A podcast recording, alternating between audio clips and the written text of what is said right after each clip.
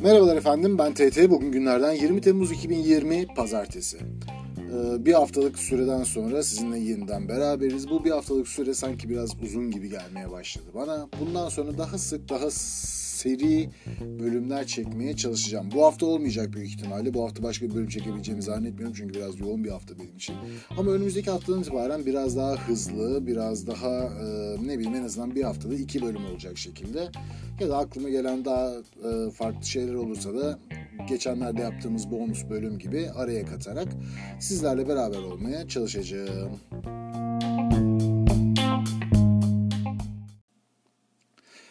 En son geçen hafta sizlere Amerika günlerinden bahsetmiştim. Amerika'da artık tutunmuştum, belirli bir e, gelire kavuşmuştum, hayatımı düzeltmiştim vesaire ama tabii ki e, insanın kanı kaynamaya başlayınca yerinde duramıyor. Ondan sonra San Diego'dan da yavaş yavaş uzaklaşma fikri kafamı bürüdü. Kafamı bürüdü. Enteresan bir kelime seçimi var mı bilmiyorum. Ben mi uydurdum şu anda. Velhasıl kelam New York'a benim üniversite arkadaşımın yanına gelmiş bulundum. New York'a taşınmak benim için San Diego'ya taşınmak kadar değişik bir e, tecrübe değildi. Neden? Birincisi zaten aynı ülke içerisindesiniz. Ha şunu söylüyorum aynı ülke içerisindesiniz de San Diego'dan New York'a 5 saatlik uçuşla gidiyorsunuz. Hani Türkiye'de öyle bir mesafe yok. E, Türkiye'den İngiltere'ye taşınmak gibi belki kıyaslanabilir. Onun dışında bambaşka bir coğrafya, bambaşka bir e, kültür. Konuşulan dil aynı ama aksan bile bambaşka. Yani ilk mesela New York'a gittiğimde ben yerel halkı anlamakta gerçekten çok zorluk çekiyordum ki hani İngilizcem bayağı bir e, iyi olmuştu kendi kanaatimce. New York günlerimiz maalesef bizim San Diego günleri kadar böyle heyecanlı, hararetli, hızlı değil. Biraz daha durgun, biraz daha olağan. Hani New York neden San Diego kadar keskin bir geçiş diye benim için. Bir de New York'a yani San Diego'yu ben hiçbir şey bilmeden çırılçıplak gittim. Ama New York öyle olmadı. New York'ta benim zaten kendi üniversiteden e, çok samimi olduğum bir arkadaşım vardı. Onun evi vardı orada.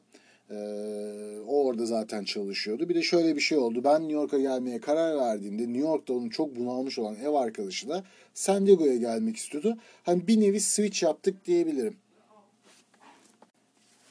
Ben gittiğim gibi onun odasına yerleştim. Ee, o da geldi. Benim San Diego'daki arkadaşlarımdan destek aldı. Benim San Diego'daki e, düzenimi devam ettirdi. Benim San Diego'daki işime devam etti vesaire.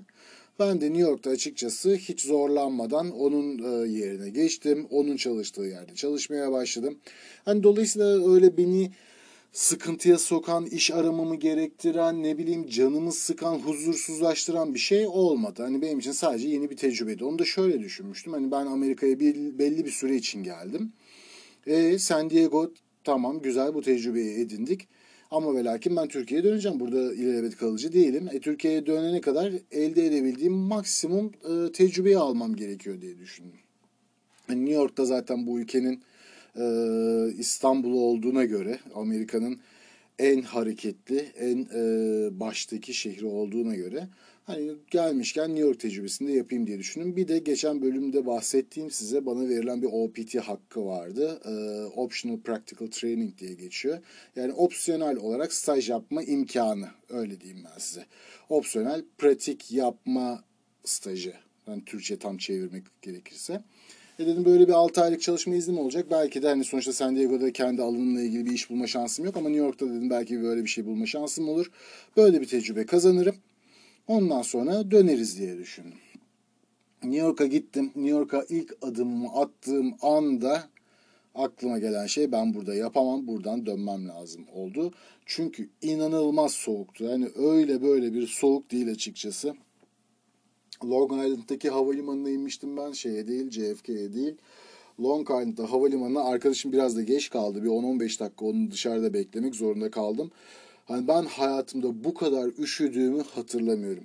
Ha şunun etkisi de olabilir. San Diego'da şimdi belli bir süre oradaydım. Bir, bir buçuk yıl olmuştu herhalde. Belki iki yıl olmuştu. Tam hatırlamıyorum. Yani şu an e, tarihler çok keskin değil kafamda. Açarsam bakarsam bulurum açıkçası.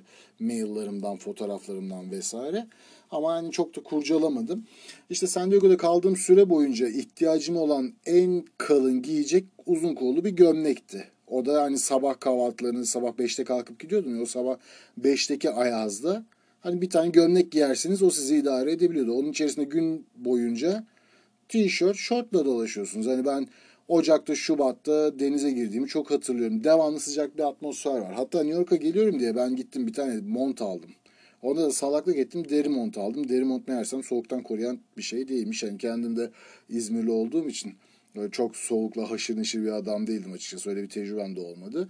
Neyse havalimanında arkadaşı beklerken titredim. Yani hayatımda ben böyle üşüdüğümü hatırlamıyorum. Yani kemiklerim titredi. Onu gelene kadar yani kendi kendime söylendim durdum. Ne işim var burada? Tamam burada yaşanmaz.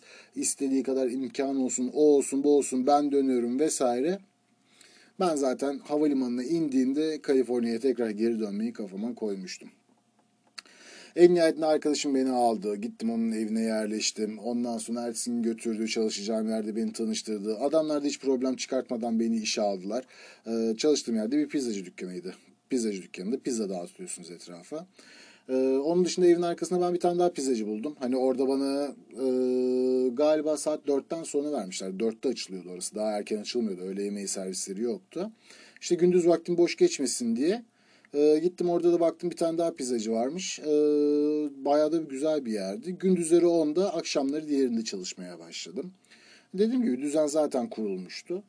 E, benim için çok büyük bir sıkıntı olmadı. New York'la Kaliforniya arasında ya da New York City ile San Diego arasındaki en bariz fark benim için sosyal hayattı. Neden? Çünkü San Diego'da çok az Türk vardı. New York'ta ise her taraf Türk doluydu. İnanılmayacak kadar. Yani elinizi çarpsanız Türkiye çarpıyor. Hatta elinizi sallasanız Türkiye çarpıyor. Hatta biz San Diego'da artık mesela Türkler olarak o kadar alışmıştık ki kendi aramızda Türkçe konuşmaya. Yani hiç kimse, dünyadaki hiç kimse bizi anlamıyormuş gibi geliyordu. Markette, ne bileyim işte restoranda, sokakta rahat rahat insanlar hakkında ileri geri kimi zaman küfürlü konuşuyorduk. Hiç kimsenin de açıkçası bir korkusu yoktu. Bize anlayacak, öyle olacak, böyle olacak diye. Zaten hep top toplasanız bir avuç Türktük orada. Yani hepsi de herkes de birbirini tanıyor. Ama New York'ta öyle olmadı. Hatta şunu söyleyeyim. Benim üniversite yıllarından beri Koyta Ugly diye bir tane film vardır. O filme takıntılıyımdır ben. Acayip derecede severim. Dünyanın en güzel filmi olduğu için değil ya da herhangi bir oyuncusu olduğundan dolayı değil. Bilmiyorum yani beni çok ısıtıyor. Böyle içimi saran bir film açıkçası. Ee, o filmi de izleyenler bilirler. Filmin kahramanı e, bir tane genç kız vardı. Genç bir erkekle tanışıyordu. Erkek New York'ta bunu alıp e, Bereket diye bir tane dönerciye götürüyordu. Aa hiç Türk e, yemeği yedim mi diye. Benim de o hep içimde kalmıştı. Yıllar yani ben bu filmi belki yüz kere izlemişimdir. Yani benim için böyle bir terapi gibiydi. Canım sıkıldıkça açıp izliyordum. Beni acayip derecede motive ediyordu hayatla alakalı. Hani o bereket dönerde aklımın her zaman bir köşesinde vardı zaten. New York'a gittiğim gibi arkadaşıma dedim ben buraya gitmek istiyorum. Ee, Manhattan'a gittik. Manhattan'a götürdü. Bu çocuğun kaldığı yer Long Island'da Rockefeller Center'daydı. Ee, ben de orada yaşıyordum. Hani şöyle düşün. Şehrin bayağı bir dışı. Ee, New York'un asıl merkezi. O adanın olduğu yer Manhattan. Trenle bir 35-40 dakika. İşte Manhattan'a gittik. O söylediğim dönerciye girdik. Hani ben diyorum ya o kadar alışmışız kendi aramızda Türkçe konuşmaya. Arkadaşlarla konuşuyoruz işte yani Kaliforniya nasıldı, burası nasıl? Ya dedim Kaliforniya'da en bariz şey kızların güzelliği. inanılmaz güzel. Burada dedim kızlar çok çirkin. Ya ne alakası var olur mu falan dedi. O anda da sırada yanımda bir, bir tane kız vardı. Niye oğlum baksana şunun çirkinliğine dedim sağ tarafıma gösterip kızı. Ondan sonra yan taraftan bir Allah belanı versin diye bir ses geldi. Al bir anda başından aşağı kaynar sular dökülmüş oldu. Yani o kadar alışmışım ki ben Türk'ün olmamasına ve Türkçe konuşmaya. Hani Türk restoranında yanındaki kadının Türk olabileceği hiç aklıma gelmedi. Hani o gençliğin de vermiş olduğu biraz cehalete kadının suratına baksana şunu şu çirkinliğine demiş bulundum. Hani ilk size söyleyebileceğim şey e, Türk popülasyonunun farkı.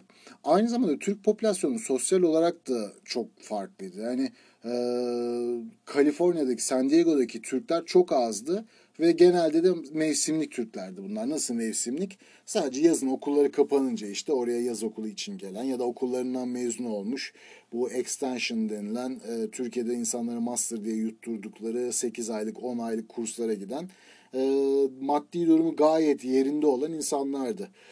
San Diego'daki bu çok yani hatta bazı aşırı zengin. Yani bu kitle zengin bir züppe takımı diyebilirim genel olarak San Diego'daki Türkler için. Hani adamların inanılmaz derecede parası var. Parası olmasa bile e, diğerleri çok fırlama amaçları ortam yapmak devamlı. Ortam için her şey yapabilecek olan insanlar. Yani çok değişik karakterde adamlar vardı. Daha 20 yaşında gelip kendi şirket sahibi olarak tanıtan insanlar vardı mesela. Babasının şirketinde yönetici pozisyonundaymış. Adamı havalimanından alıyoruz. Allah Allah konuşmaları göreceksiniz. Yani sanki Sakıp Sabancı. Hani başka bir çocuk geldi. Mesela daha 18 yaşında adamın hobisi uyuşturucu. Değişik uyuşturucular bulmak. Gidiyor mesela Meksika'dan özel bir tane kaktüs suyu alıyor. Onun içerisinde ekstazi kırıp eziyorlar. Onu mikrodalgada ısıtıp onu çekiyor falan. Yani böyle böyle zevkleri olan bir adam.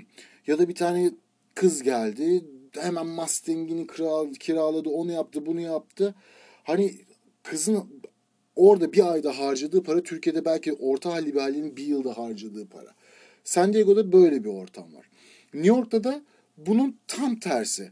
Genelde uzun süreli kalmaya gelmiş olan insanlar yani tabiri caizse kapağı Amerika'ya atmış olan insanlar New York'ta olanlar orada bir şekilde tutunmaları, çalışmaları lazım. Dolayısıyla paraya inanılmaz derecede ihtiyacı olan insanlar, daha da öncesinden gelmiş olanlar aşırı derecede eğitimsiz, iki lafı bir araya getiremeyen adamlar. Hani New York'ta da böyle para için her şeyi yapacak. Orada tutunmak için yani şu an tırnaklarıyla her tarafa böyle e, kedi gibi yapışmış böyle bir Türk kitlesi vardı.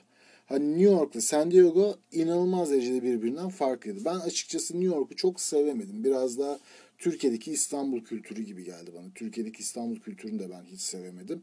E, maalesef İzmir kültürünü de oraya kurban ediyoruz ama orada da öyle bir durum oldu. Dolayısıyla ben açıkçası böyle Kaliforniya'ya en kısa sürede dönmeyi yavaş yavaş kafama koymuştum. New York'ta işte bu OPT'den dolayı iş aramaya da başladım. Ve neredeyse hiçbir dönüş almadım. Hani o anda bana çok büyük bir moral bozukluğu oldu. Ee, ama bir yandan şu an baktığımda da çok da mantıksız değil. 6 aylık bir çalışma izni ne işinize yarar ki yani?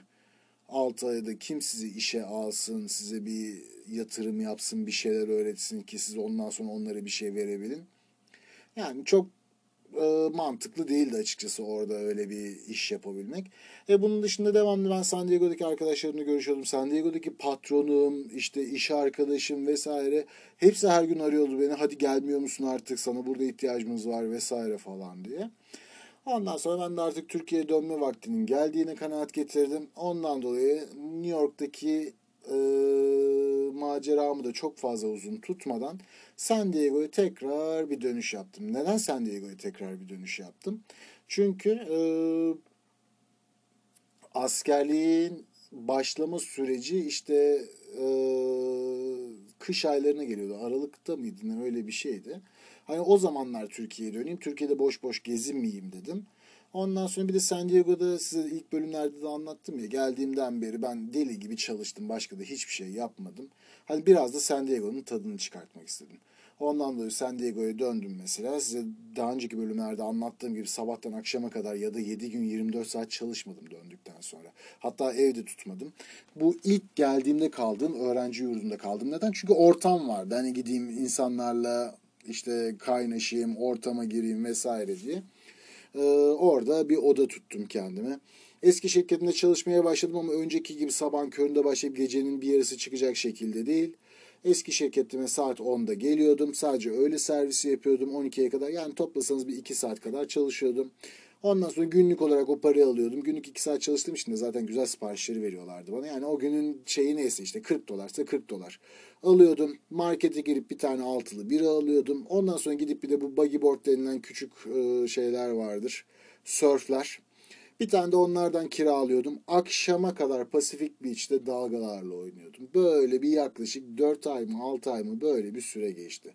Akşamları ondan sonra pansiyona gel. Pansiyondaki işte yeni gelen Türklerle takıl. Zaten geneli dediğim gibi ortam yapmaya gelmiş çok keyifli kafa dengi insanlar ki aynı zamanda hayatımı değiştiren de bir e, olayın ilk tohumların atıldığı yerdir burası. Mesela ben eşimi benimle tanıştıran arkadaşımı da ben oradan e, vesile oldu. Oradan tanıdım. Yani e, komple benim hayatımı değiştirdi diyebilirim.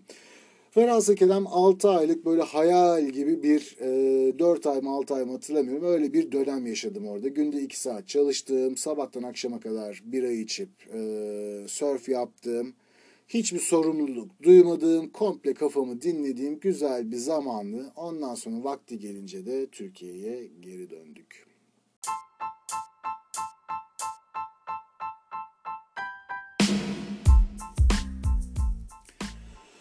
Amerika maceramızı böylelikle bitirmiş oluyoruz. Türkiye'ye döndükten sonra neler yaptık? Ondan sonra hayat beni nasıl tekrar yurt dışına attı? Bunu da gelecek bölümlerde konuşacağız. Girişte de söylediğim gibi bir haftalık e, aralık biraz daha uzun. Ben de hem konsantrasyonumu kaybediyorum hem ne anlattığımı unutuyorum.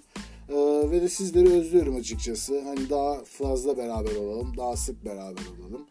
Ee, dediğim gibi sizden güzel geri dönüşler almaya başladım. Ee, dinlenme sayımız da günden güne artıyor. Ee, dinlenme sayılarımızda da erkek ve kadın e, oranı güzel gidiyordu ama son bir haftada böyle erkekler biraz daha ağır basmaya başladı. Neden öyle oldu bilmiyorum.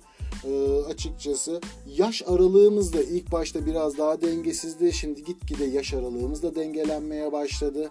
Gördüğüm kadarıyla 20 yaştan e, 65 yaşına kadar dinleyenler var ama 65 yaş grubu çok küçük bir grup. Orada zaten çok fazla podcast dinleyicisi olduğunu da düşünmüyorum o yaş grubunda. Ama ağırlık olarak baktığımızda benim kendi yaş grubum 35-44 yaş arası e, çok daha fazla. Bunun tabii bir sebebi de benim kendi çekimlerimi dinlemem de olabilir. Dolayısıyla kendi hesabımın istatistiklerini de görüyor olma ihtimalim var. Ee, ama bunun dışında 20 yaştan 45 yaşa kadar güzel bir homojen e, homojen bir e, yaş aralığı sağlamış gibi görünüyoruz. Sizlere çok teşekkür ediyorum. Sizleri çok seviyorum. Bunu söylerken de çok samimiyim açıkçası. Hani bunun lafı gelsin diye söylemiyorum. Gerçekten şu an bana kulağını veren, beni dinleyen, kalbi benimle olan, hani söylediklerimi e, kale alıp bana zaman harcayan herkesi ben gerçekten çok seviyorum. Benim için çok değerlisiniz. Ondan dolayı her türlü yorumunuzu, eleştirinizi ne varsa benimle paylaşmaktan kesinlikle çekinmeyin. Mail adresim, Twitter adresim hepsi açıklamalarda yazıyor. Çok aktif bir Twitter kullanıcısı değilim. Olmaya çalışıyorum açıkçası sırf diyaloğa gelebilmek için ama olmuyor. Yani insanın içinde o sosyal medya aşkı yoksa sonradan yaratamıyorsunuz. Ama dediğim gibi siz eğer benimle iletişim kurarsanız, etkileşime geçerseniz ben çok daha güzel işler yapabileceğimizi düşünüyorum. Kendinize çok iyi bakın, mutlu kalın, huzurlu kalın. Sizleri seviyorum, sizleri öpüyorum. İyi günler, iyi akşamlar.